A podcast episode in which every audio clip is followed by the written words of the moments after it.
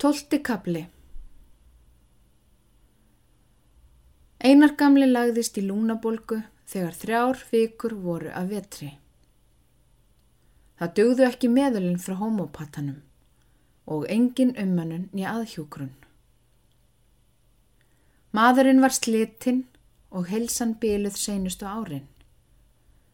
Að draga og bera á sjálfum sér í fannfergi og ílviðrum vil koma við flesta enda þá líka sem eru samanreknir og mestu minnleisis menn. Á áttunda degi andaðist einar.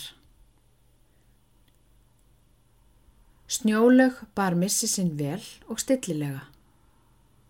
Harmur barnanna var auðserri, engum þeirra yngstu. Germundur var dapur og fálátur Svo móðir hans þótti það næstum kynlegt, eins og þeir feðgar hafðu þó verið óskap líkir. Sér að Jósteinn hafði þjónustað einar og látið í ljós við snjólögu að bondi hennar myndi naumast lifa þessa veiki af. Klerkurinn gerði það með stillilegum hugsvölunar orðum og þau orð hafa eftir vill veitt ekkinni þreg og þóllendi til að bera harmsinn svo vel og hún gerði. Presturinn hafði talað einslega við snjólegu um þetta. Þau hefði ekki hjarta til að ángra börnin. Það var ekki mannmart við jarða fyrir einaskamla. Þá dagana gengur hríðardempur og gerðu þunga færð.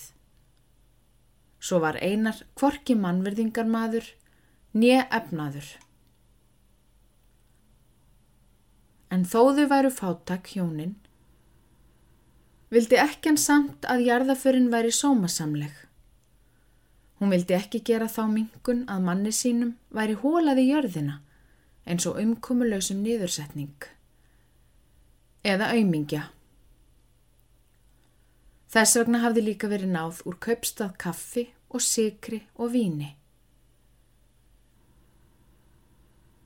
Gróa hafði búið til mest af brauðinu. Yfir höfuð verið sérlega hlutekningarsum við ekkjuna í raunum sínum. Sigga vinnukonna glotti kímilega til fólksins og hafði orða á því hvað grói færist fallega við það og neðrafossi. Þeir kunnugu depliðu augunum eða dróðu annað aftur og glottu með hálfu munninum vissu vel hvað Sigga fór og geðjaðist ekkert illa að því. Gróu grunaði ekkert, tók ekki eftir kviskrinu að baki sér.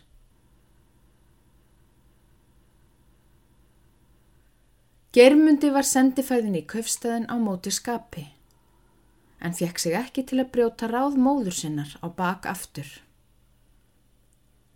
Hann vildi að jarðaförin hefði farið fram sem kyrrast, eins og líf föður hans hafði verið.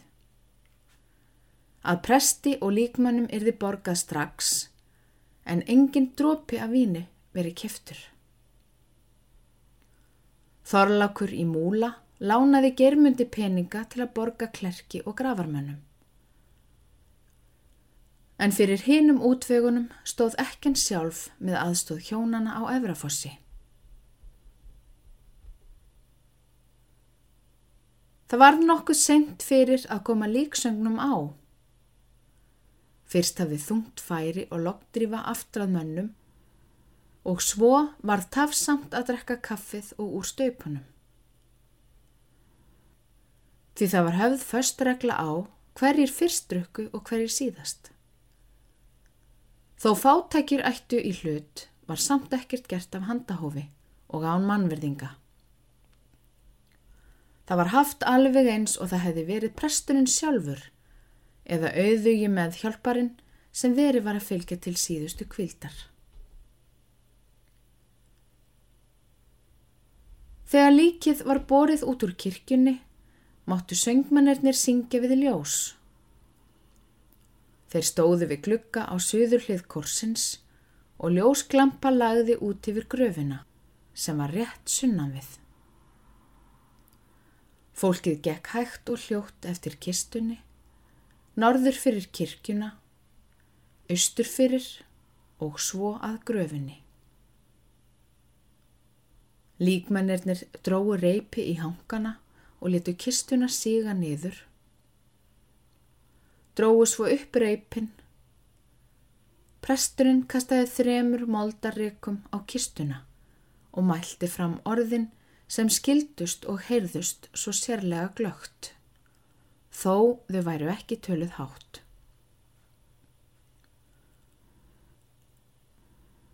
Menn röðuðu sér í kringum gröfina Þeir nánustu næst og allir karlmennirnir berhöfðaðir. Moldarreikurnar skullu á kistunni og skarkið af þeim let dapurlega og hljómdimt í eirum þeirra sem stóðu á gravarbakkanum. Ljósbjarminn skein fölur og daufur yfir allt saman. Náttmyrkrið svart og svipþungt umhverfis. Söngurinn innan úr kirkjunni rauf þögnina. Snjórin datt úr hálofti í stórum hráslagaköldum fliksum, ein eftir aðra. Niður á mannhöfuð og hendur og fætur. Á bera skalla eldungarna og fött fólksins.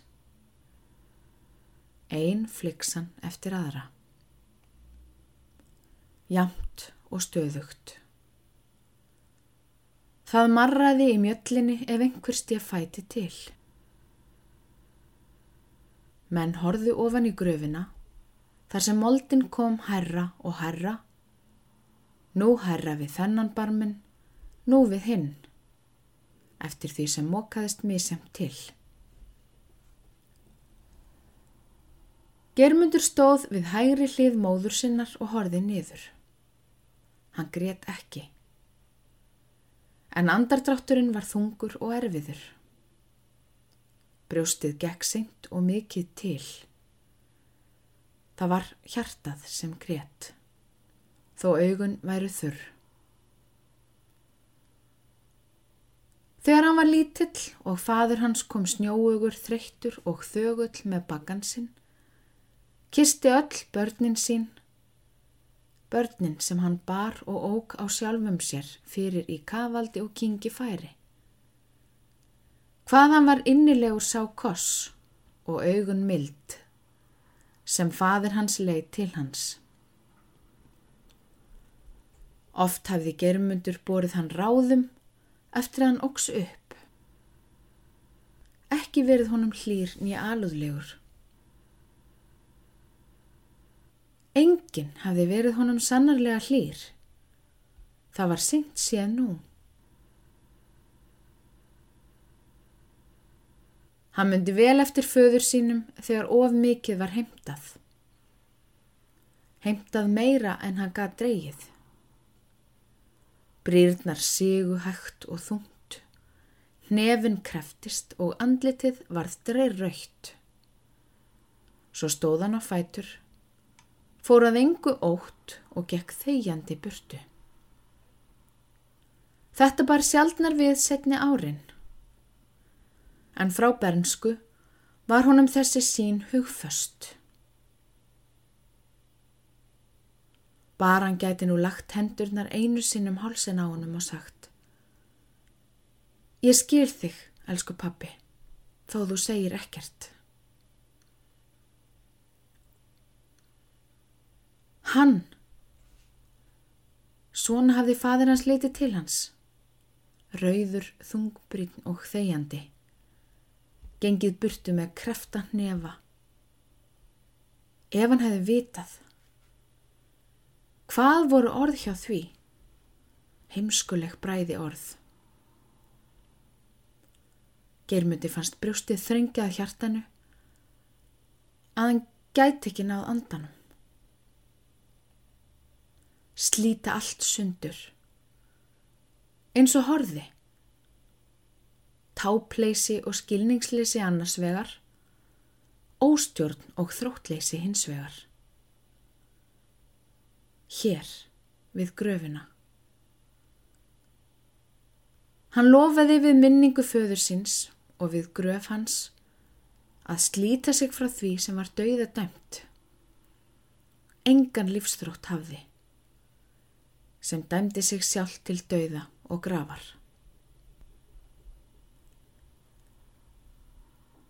Það var lögð mjúklega hönd á aukslina á germundi. Hún var hvert við og náfölnaði. Var það gróa? Hvið forðinni frá? Það var þurriður sem færði sig nær gröfinni og marja við hlið hennar. Höndin lá örlitið kér. Þröngin var mikil. Friður og ró, líkn og hugsfölun færðist yfir sál og líkama germundar.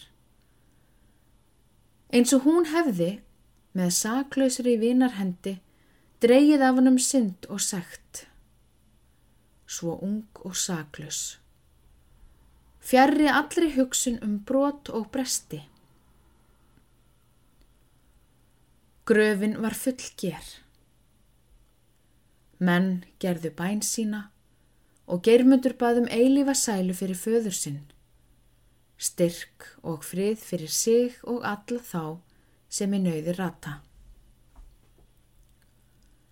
Bað fyrir gróu að hún fengi fyrirgefning og þolgeði að öllum raunum er þið bækt frá þurriði.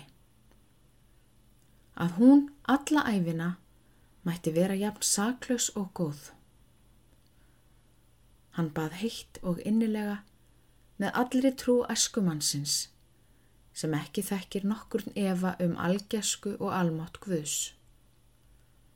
Með allri þeirri brennandi þrá sem knúði hjarta hans til að bæta misgerðirnar og komast á veg sakleysis og friðar.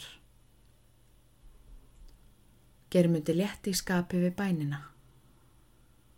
Hann vonaði eftir betra þreki og þólindi. Eftir bænhyrslu og harmalétti frá drottni.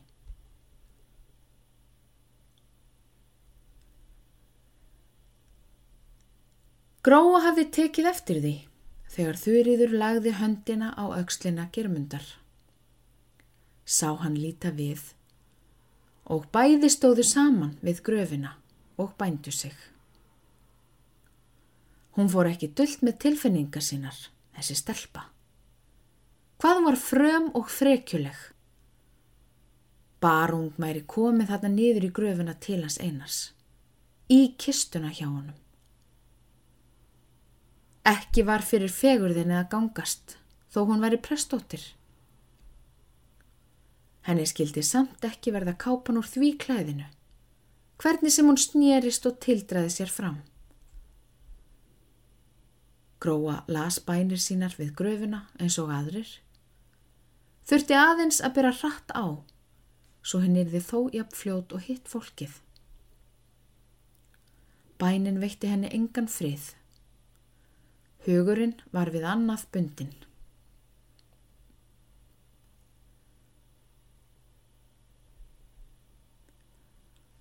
Eftir að komið var úr kirkju fór veður versnandi.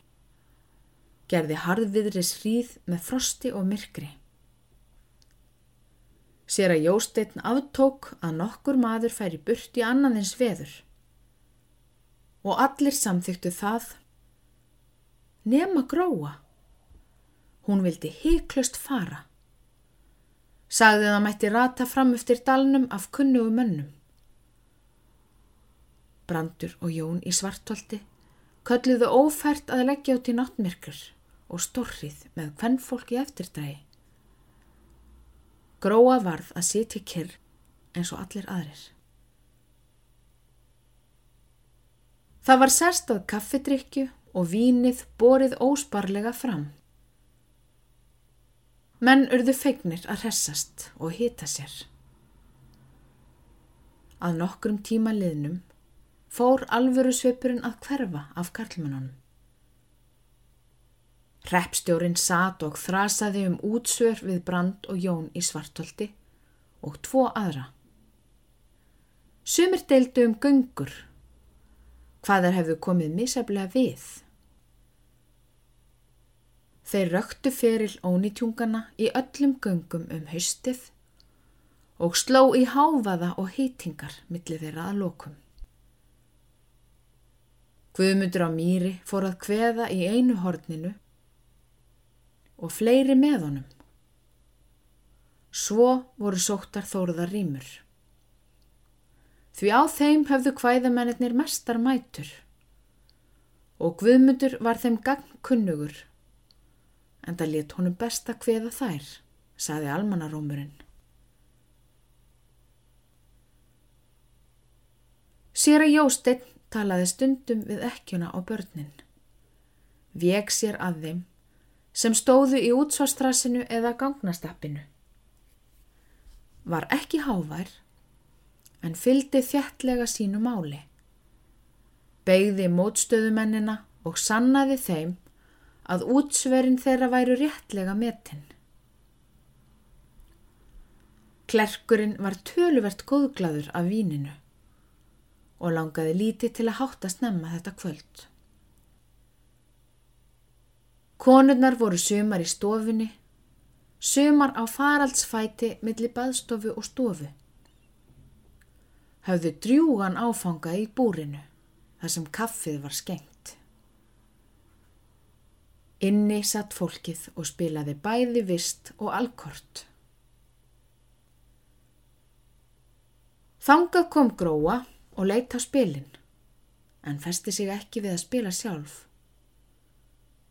Henni var tíðföröld inn og fram, líkt og á hana stritti erðarleysi og óþól. Geirmundur satt fyrst fram í stofu hjá móðu sinni og sískinum. Þau voru hæg og hljóð og geðjaðist illa að háfaðanum og þrasinu. En snjólög gamla þurfti nákvæmlega að gæta eftir með veitingarnar. Henni var ekki til setunar bóðið. Þegar tekið var til að hveða þórðarýmur, gekk germundur inn með svinnbyrni. Þeir settust inn í hjónahúsið og litlu setna kom þurriður inn með sýstur hans. Sveinbjörn fyrsti fram í stofuna aftur, en germundur kunni best við kyrðina þar inni. Hann satt á stól við framhlið húsins. Á borðinu logaði á lampa og þar satt þurriður við borðsendan, milli þess og rúms foreldrana. Hún blaðaði í bók. Germundi var starsýnd á hana, þar sem hann satt þögull og hallaði sér að þélinu. Þurriður var þreklega vaksinn og heldur í hæra lægi. Ljósjörp á hár og hærð hvenna best. Ekki yfirleitt spjört, kringluleit og holdug nokkuð. Brúna beinin mikil og svipurinn einarðlegur.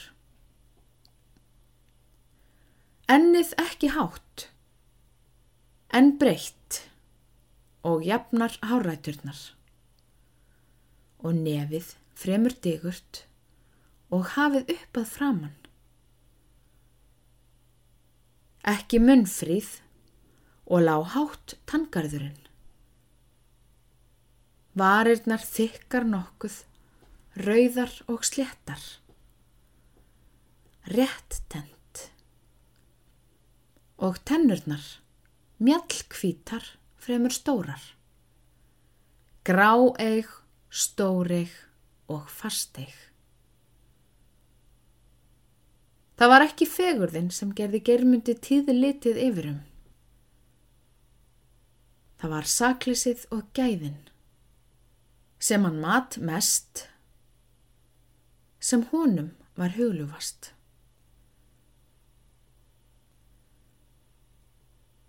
Ekki geti fælt mig við vinnveitingar við svona tækifæri.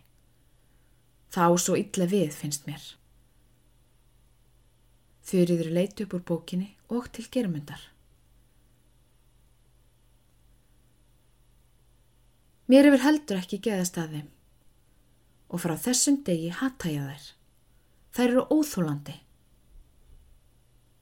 Hann fann viðkvæmnina og saklösa hlutekning bæði í orðum og tilliti. Gangnaþras, rímnakveðskapur og sorgin geta ómögulega búið saman. Það er argasti ósýður, ætti ekki að líðast lengur. Ef hægt hefði verið að komast heim, hefði maður losnað við þannan ófögnuð. Það síndist engum í kvöld nema mér. Ég þekki erfidrykkjurnar og veit hvernig það er ganga, sagði Gróa. Hún hefði gengið hljóðlega inn í húsið. Frá því að higgja á spilin fyrir framann. Hún vissi vel hvað gerðist í húsinu, þó hún liti eftir þeim. Germundur róðnaði skindilega.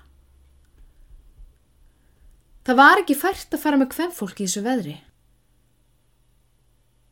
Með mömmu hefði ég aldrei lagt út í þá útlitt sem var og það um há nótt.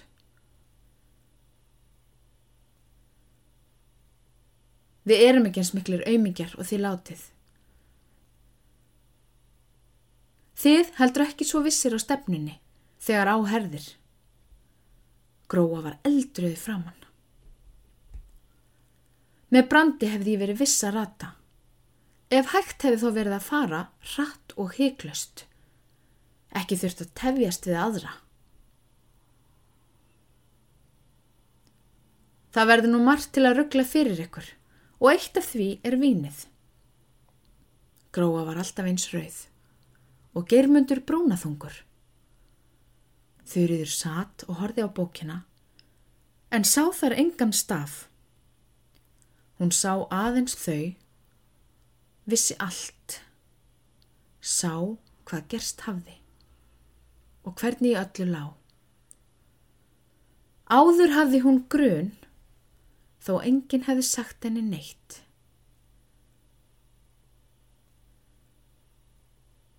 Var eins kvít í framann og pappirinn á bókinni, þar sem enginn var prentsvertan á honum.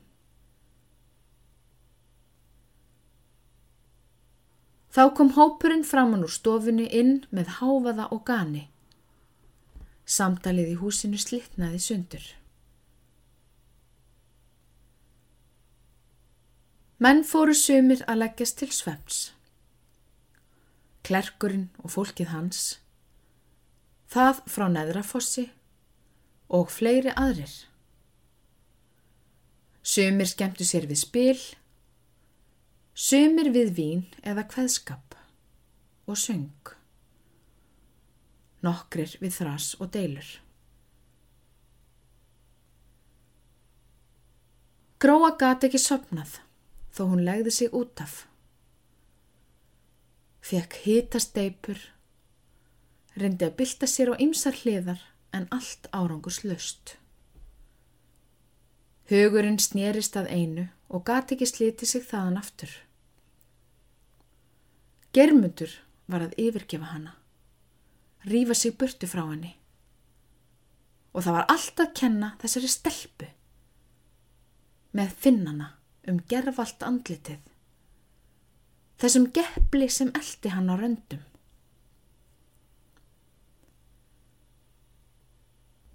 Hverju ætti hún að svara germundi ef hann skoraði enn á hana að skilja við mannin, húsinn, börnin, eigurnar, þægilegar ástæður, vanan við góð mettorð heima og á mannafundum, taka aftur við skorti og fátækt, skilja við blessu börnin, láta slítaðu frá sér, mæta hvarvetna lítilsfyrðingu miskunarlausum dómum og slaðri. Nei, það gat hún ekki gefið millir brands og germundar. Þó hún elskaði annan eins og lífið í brjósti sínu og hinn ekkert.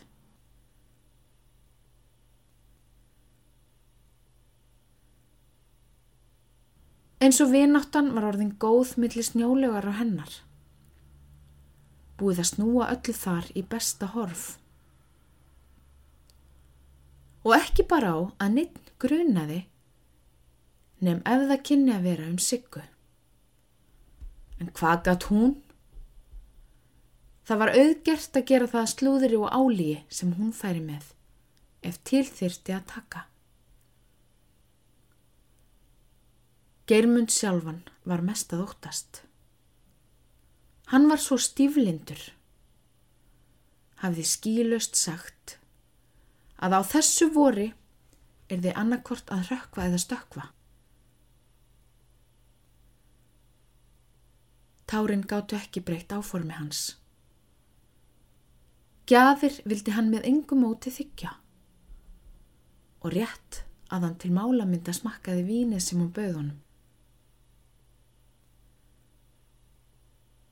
Það var óskiljanlegur þrái í germundi með að heimta skilnað.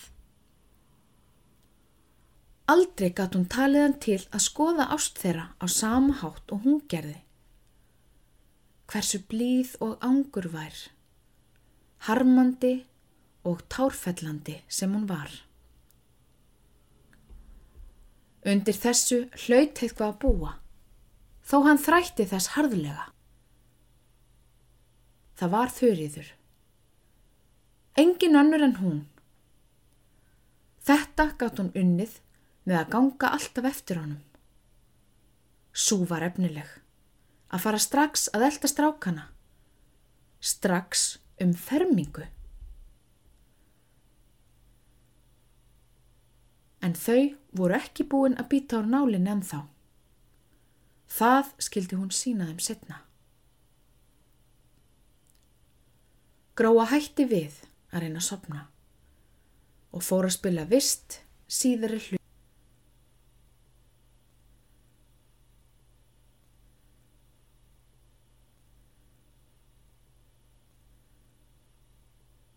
Daginn eftir var bjart veður og frost.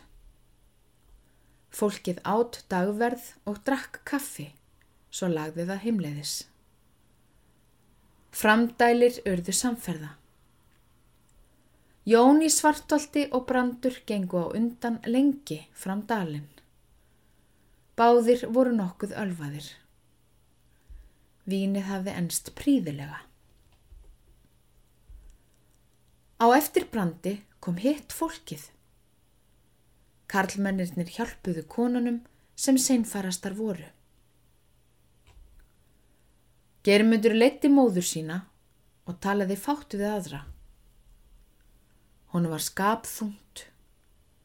Heiklust ætlaði hann að efna heit sitt. Og þó fannst honum ást sín til gróu hefði aldrei verið heitari en nú. En hún gati ekki skilið þann veg sem hann vildi ganga.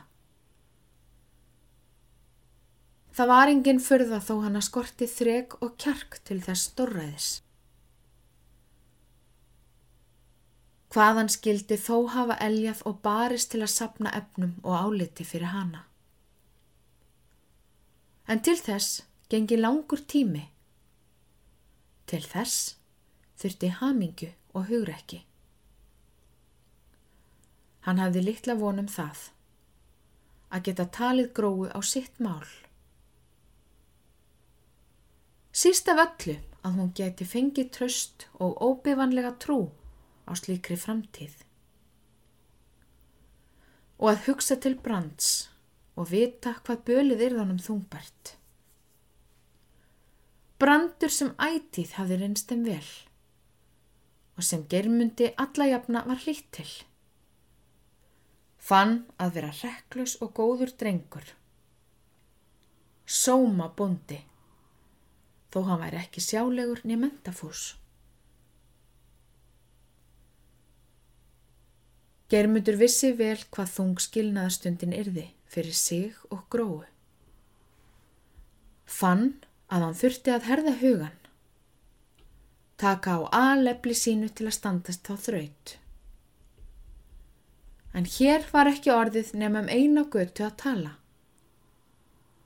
Og þá götu skildi hann ganga. Hann hafði svarið það.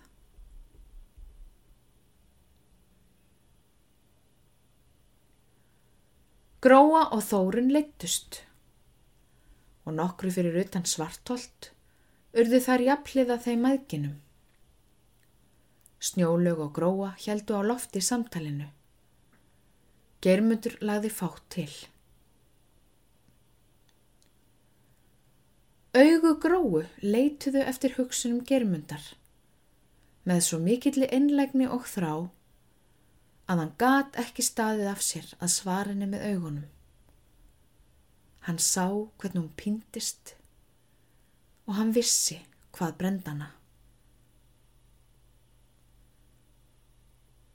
Þær töluðu um líkræðuna og kom öllum saman um að lofa hana. Hún hefði verið ljómandi falleg og góð. Germundur játti þegar hans álita var leitað. Gat ekki fengið af sér að segja það sem í brösti bjó. Það myndi særa þær meðgurnar. Með sjálfum sér var hann allt annað en ánæður með ræðuna prestsins. Lofið um föður hans. Hvað hann hefði verið nýtur maður í mannfélaginu og sérlega ljúft að veita öðrum.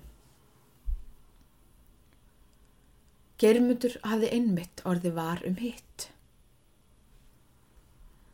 meðan faðin hans livði að hann þótti engin atkvaða maður. Germundur hafði einmitt orði varum hitt meðan faðin hans livði að hann þótti engin atkvæða maður. Að aðrir yrðu frekar til að rétta honum hjálpar hönd en hann geti rétt þeim hana. Þessi orð myndu hvergi töluð nema í kirkjunni. Það var aðeins gilling sem presturinn eitthvað leift sér að bera fram á helgum stað. Gilling sem fjölda ástvinna hins látna gæðjaðist vel og þykir svo góð og hjartnæm.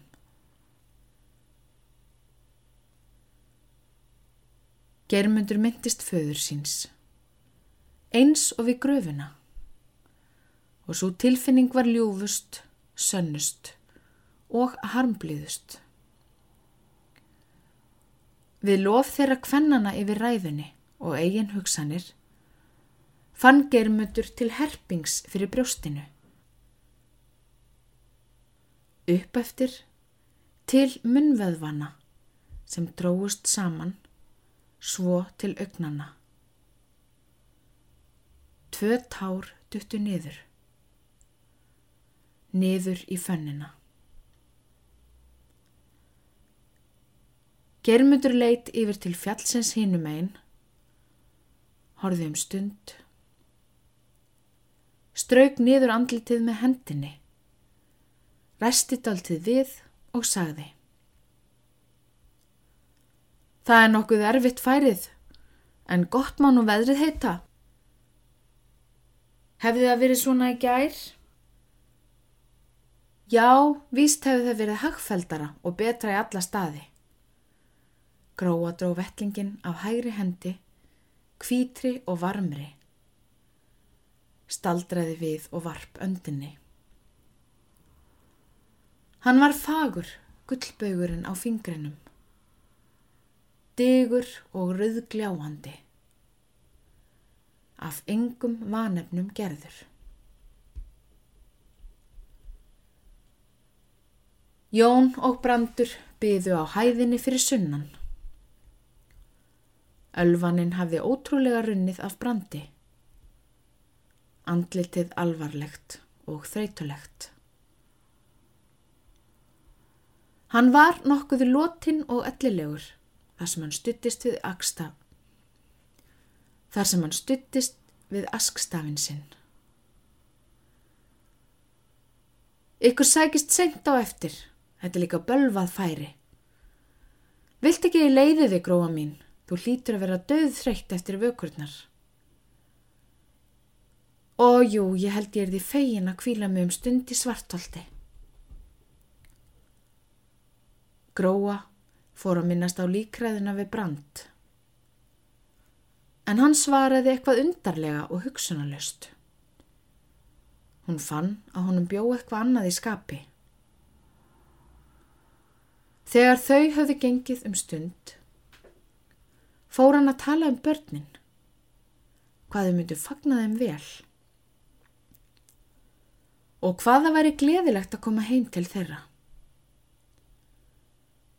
Gróa var alveg sama hugar og fram að svartolti töluðu þau alltaf um börnin og gleðina að koma heim til þeirra.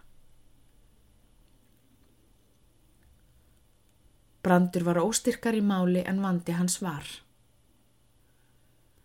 En Gróa áttaði sig fljótt að því að sá óstyrkur var þó ekki vínun að kenna. Hanna grunaði að eitthvað það hefði komið fyrir brand sem yllir skabriðum. Best að vera við öllu búin, hugsaði hún.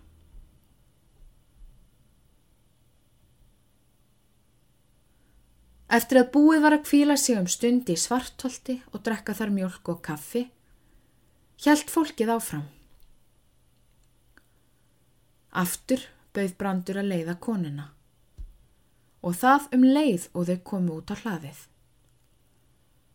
Það var langt síðan hann hafi sínt henni aðra eins umönnun. Og grói gefiðast ekki sérlega vel að þessari leiðslu hans.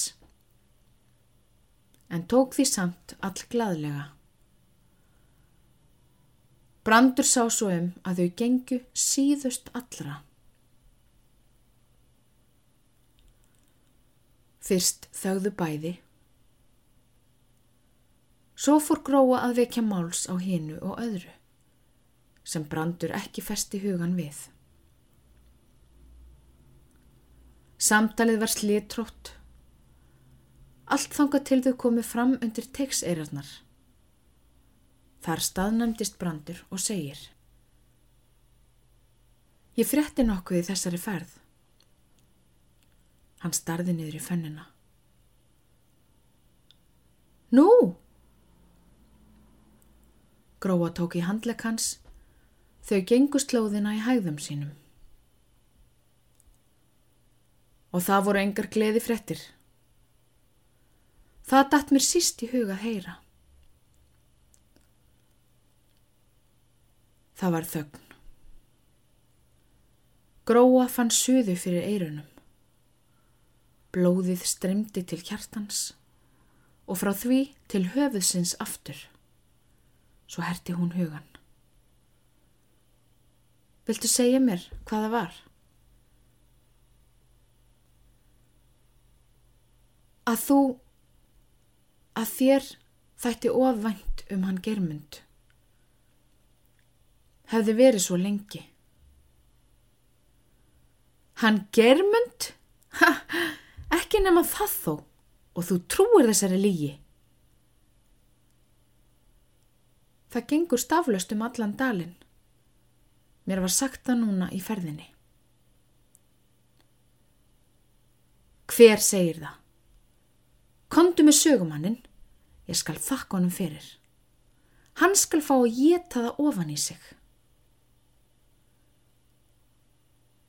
Það hefur einhver á heimilinu gert það og þó þú segir þetta lígi, getur þau varla neyta því að þú hefur ekki farið varlega.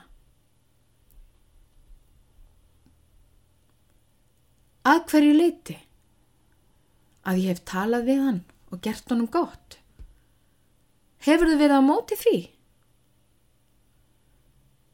Mig grunaði ekkert. Trúði þér svo vel. En nú finnst mér þið hafið setið æði ofta á eintali. Því er verð, ég er hrættur. Það er rétt eftir þér rétt eftir annari sannsýninni sem þú býðu mér. Þér er best að slá utanum mig virki. Seti skörina almennilega upp í bekkin. Kondu með sögumannin. Ég skora á þig að sanna þennan ábyrð. Þessa lígi. Ég segi þið bara hvað ég hef heyrt. Hver þetta hefur fyrst borið út, veit ég ekki þó er ég hálf hrettur. Þarft ekki vera bálreið við mig út af því. Það er hægt að ljúa þig fullan og menn vita það ofur vel. en þú getur ekkit sannað. Bara hleypur með vittlust slaður.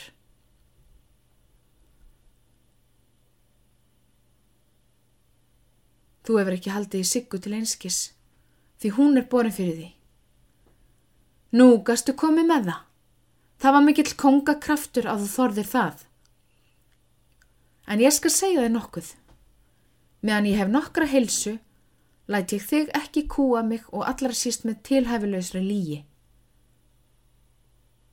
Ég get hannes vel, gertir það til geðs og sóma að fara burtu. Þú getur þá haft aðra að trafka á. Ég lík þessu ekki upp. Þú hefur enga ástæði til að auðsa yfir mig ónótum og heitingum. Fyrir það sem þú hefur ferðað bak við mig, var þér hættur.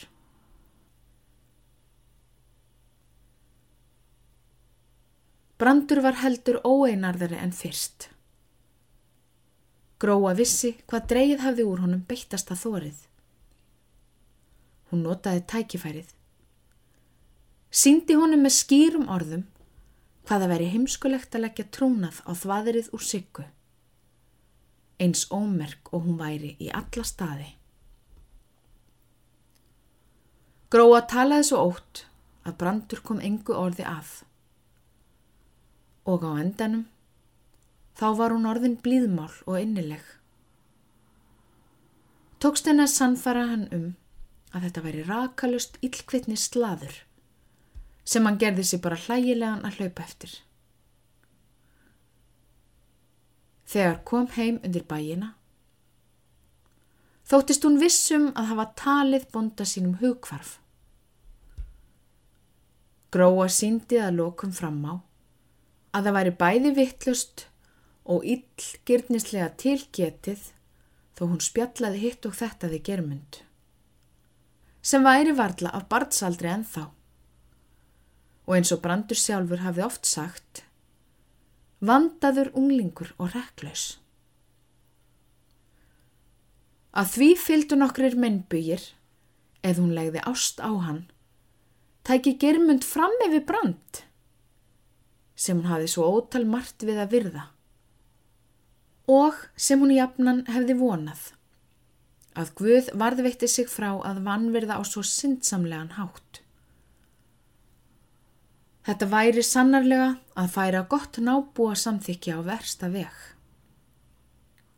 og óvitaháttur að leggja trúnað á slíka fjárstæðu.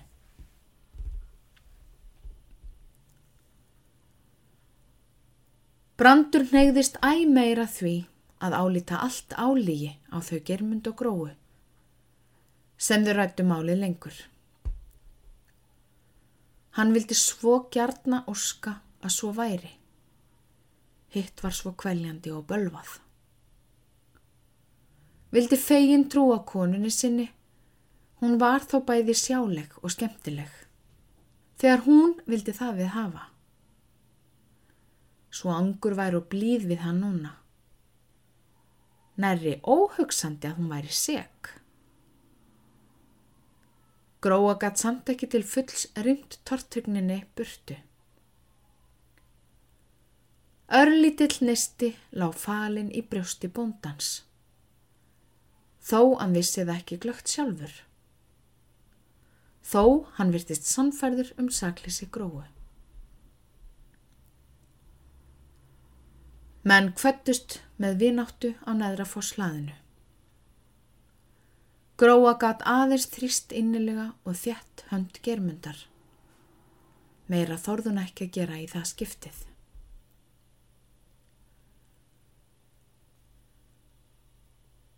Brandur fór fljótt að sofa þegar heim kom. En Gróa var á ferli allt kvöldið. Aldrei hafði henni sínst heimilið jafn ánægilegt og nú börnin aldrei en skemmtileg. Vel efnum búin húsfreyjustada aldrei hafa slika yfirburði yfir skorti og fátækt og þetta kvöld. Hún tók líka siggu tali og hætti ekki fyrir hún hjátaði að það var seðu kissast einu sinni í búrinu. Germund og hana. Sér hefði orðið að sleppa því við hinnar vinnukonurnar. Svona hefðu þær farið með trúnaðarmálið. Öðru hefðu þær lofað sér.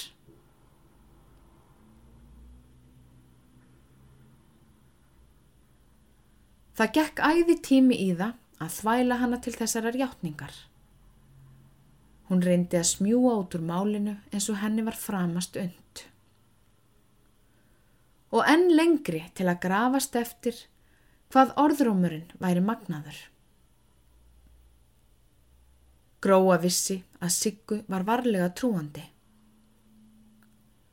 En hún fekk hana þó til að hjáta að hún hefði hlaupið á sig með það að gera orða á því þó germundur þakkaði henni fyrir kaffið með kossi. Þó kossarnir væru tveir var það ekkert vítavert nýja til að gera orða á því og leggja það út á versta veg.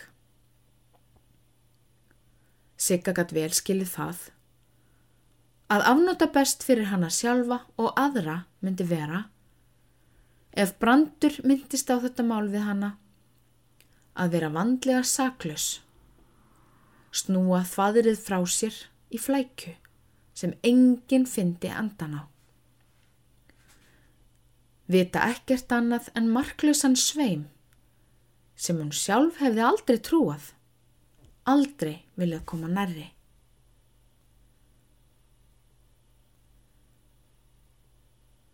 Gráa var með sjálfur sér einráðinn að láta Siggu fara burtu um vorið og Sigga þóttist hafa komist kennlega hjá því að segja meira í þessu máli en þetta lítilræði. Hæ, hæ, Sigga litla vissi nú betur hvernig öllu lá. Vissi meira en um þessa tvo kossa. Þarna var hún nærri komin í ljóta flágjallu. En hún kunni nú svolítið að snúa snældunni sinni. Að því hafði grói orðið í kvöld. Skild hún ekki hafa fullt svo mikið metorð hjá grói hér eftir. Ætlið að væri svo fjarrri að vera kyrr næsta ár. Nú liðu tvær vikur svo að germundur kom aldrei inn fyrir bæjarstaf á Efrafossi.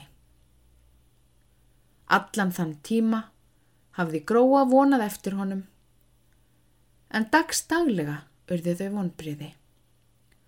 En dagstaglega urðu það vonbriði.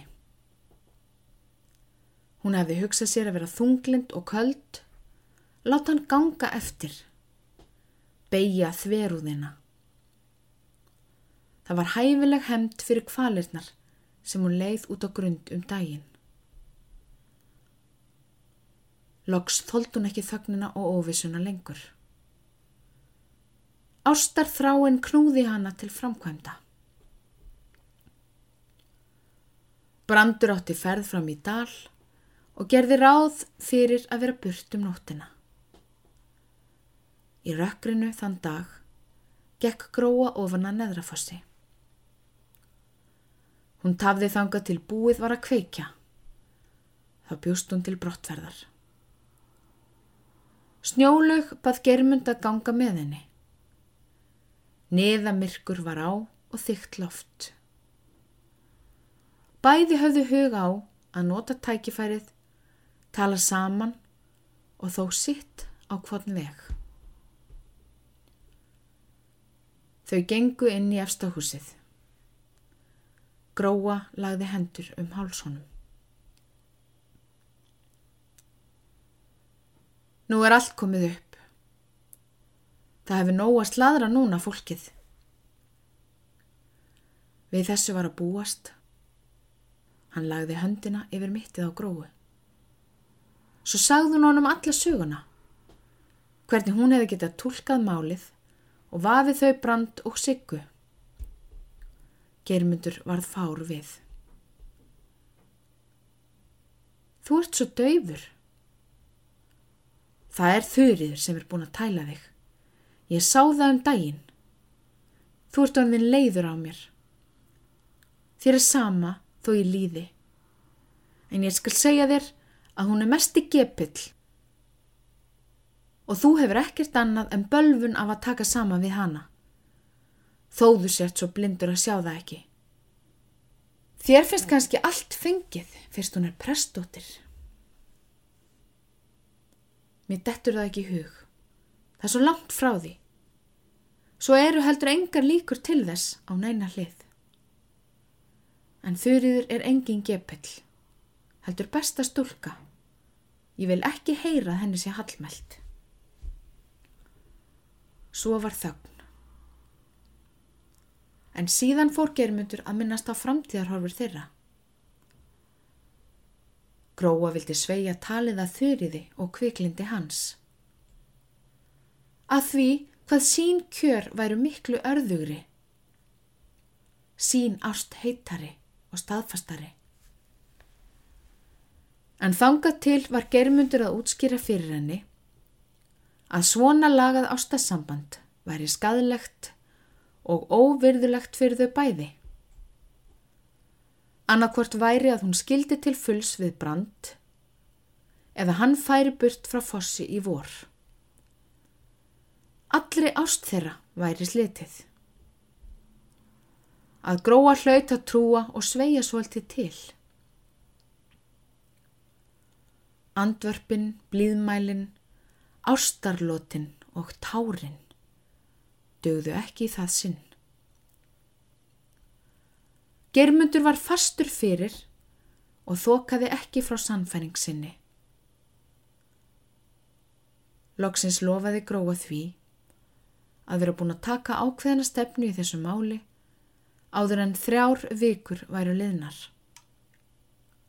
Annarkvort að rökva eða stökva.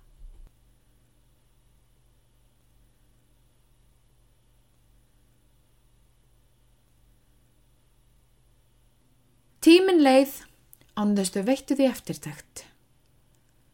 Gróa náði rétt um háttatíma heim.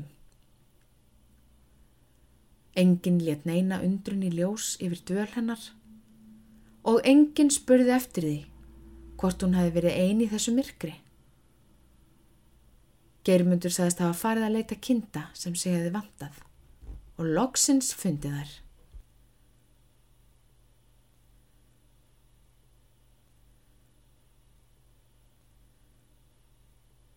Gróu varð ekki sveppsamt þessa nótt. Henni var ákaflega órótt í skapi.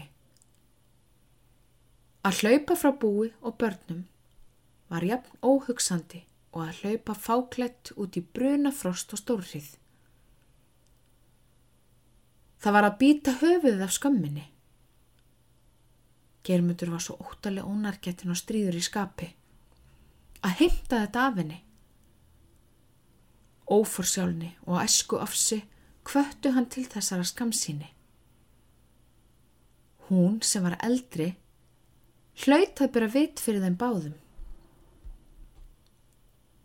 Nú var öll von úti að vinna hann með blíðu. Sigra hann með lægi.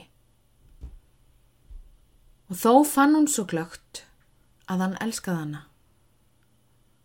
Hitt var ástæðulegs hugarburður með þurriði. En hann var svo ófyrirleitin. Hugsað ekki um óhæminguna sem þau bökuðu sér. Hún sá fyrirleitninguna, heyrði sladrið og mannlastið. Stóð vopplaus og ráðalaus, fátæk og sneitt öllum lífstægjendum. Eins og úrþvætti og afhrak allara sveitarmanna. Germundur vó ekki á móti þessu öllu saman. En að germundur færi, skildi til fulls við hana, glemdi henni, giftist og elskaði aðra. Köldum hrolli sló yfir hana. Þungur og brennandi sviði færðist yfir prjóstið. Andþrengsli og hitasteipa. Hún svifti yfir senginni af hálsi og brjóstum, sló frá sér höndunum. Ekkin braust upp og svifti henni til. Svo komu tárin. Fyrst besk og söllt. Síðan létti farginu. Andþrengslinn ringuðu. Lindin var leist úr læðingi. Framrenslið fengið.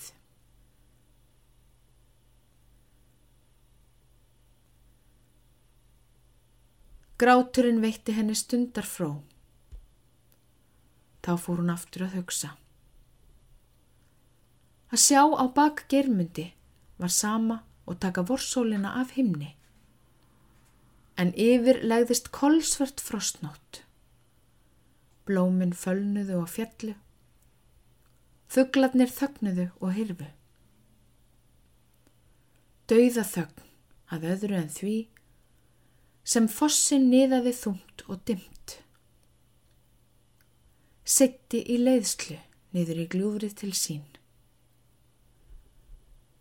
Aldrei hafði henni sínst ástamunaðurinn, jafn töfrandi og nú. Aldrei fundið skilnaðar kvölina, jafn voðalega sára og nýstingstapra. Hún reyndi að finna ráð en gata ekki.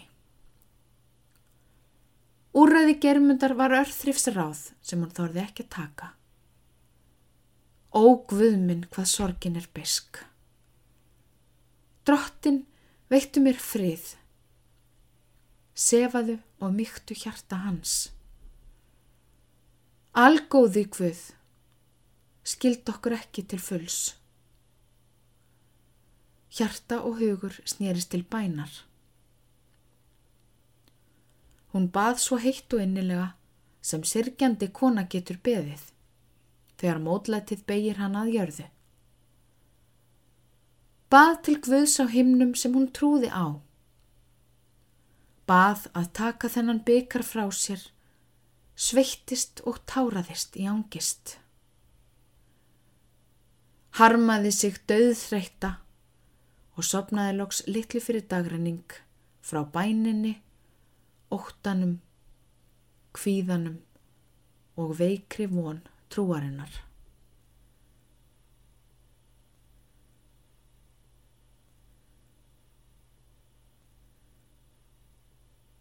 Germundur gatt heldur ekki sopnað fljótt þetta kvöld. Nú hafði hann stíið þetta erfiða spór. Stíið það eins og manni sæmir hvort sem afleðingarnar yrðu yllar eða góðar. Eitthvað annað framvegs en að snúast kringum skilningstrið eins og þjófur. Annarkvort eplið eða þá að snúa frá. Hætta við að horfa gyrndaraugum á það. Myndi skilnaðartregin aldrei fyrnast. Sárin aldrei gróa. Frá þessum og þvílikum hugrenningum sopnaði germundur og svaf værra það sem eftir var næturinnar en lengi hafði verið þennan vetur.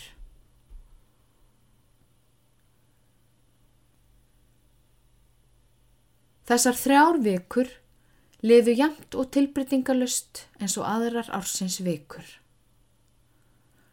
Mörguðu fátt á hugarspjöld fólksins á fórsunum. Það voru aðeins þau tvö sem hugsuðu margt.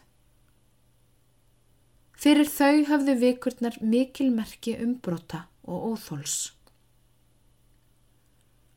Hvorugt gætt glemt þessum tíma nokkru sinni á æfinni. Annað beigð með óþóli og veikri von.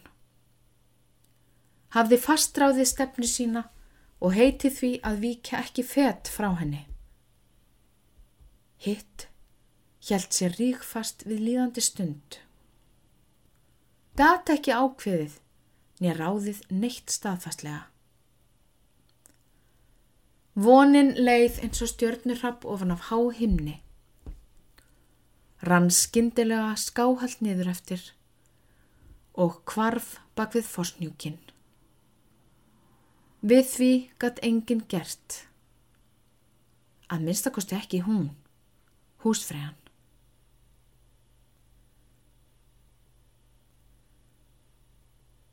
Stundin var stutt.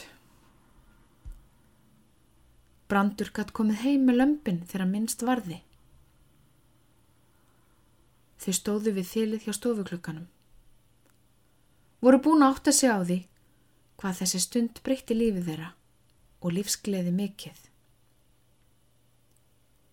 Þau hlutu að skilja, slíta sambandið.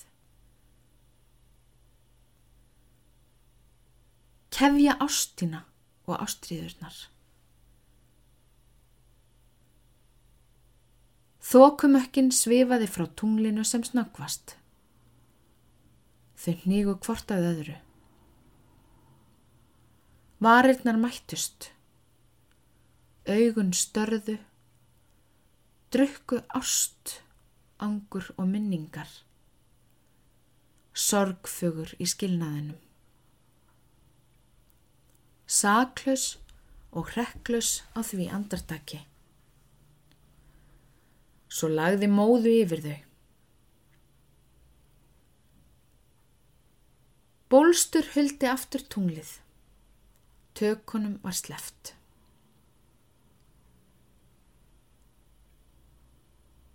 Tvö andverp.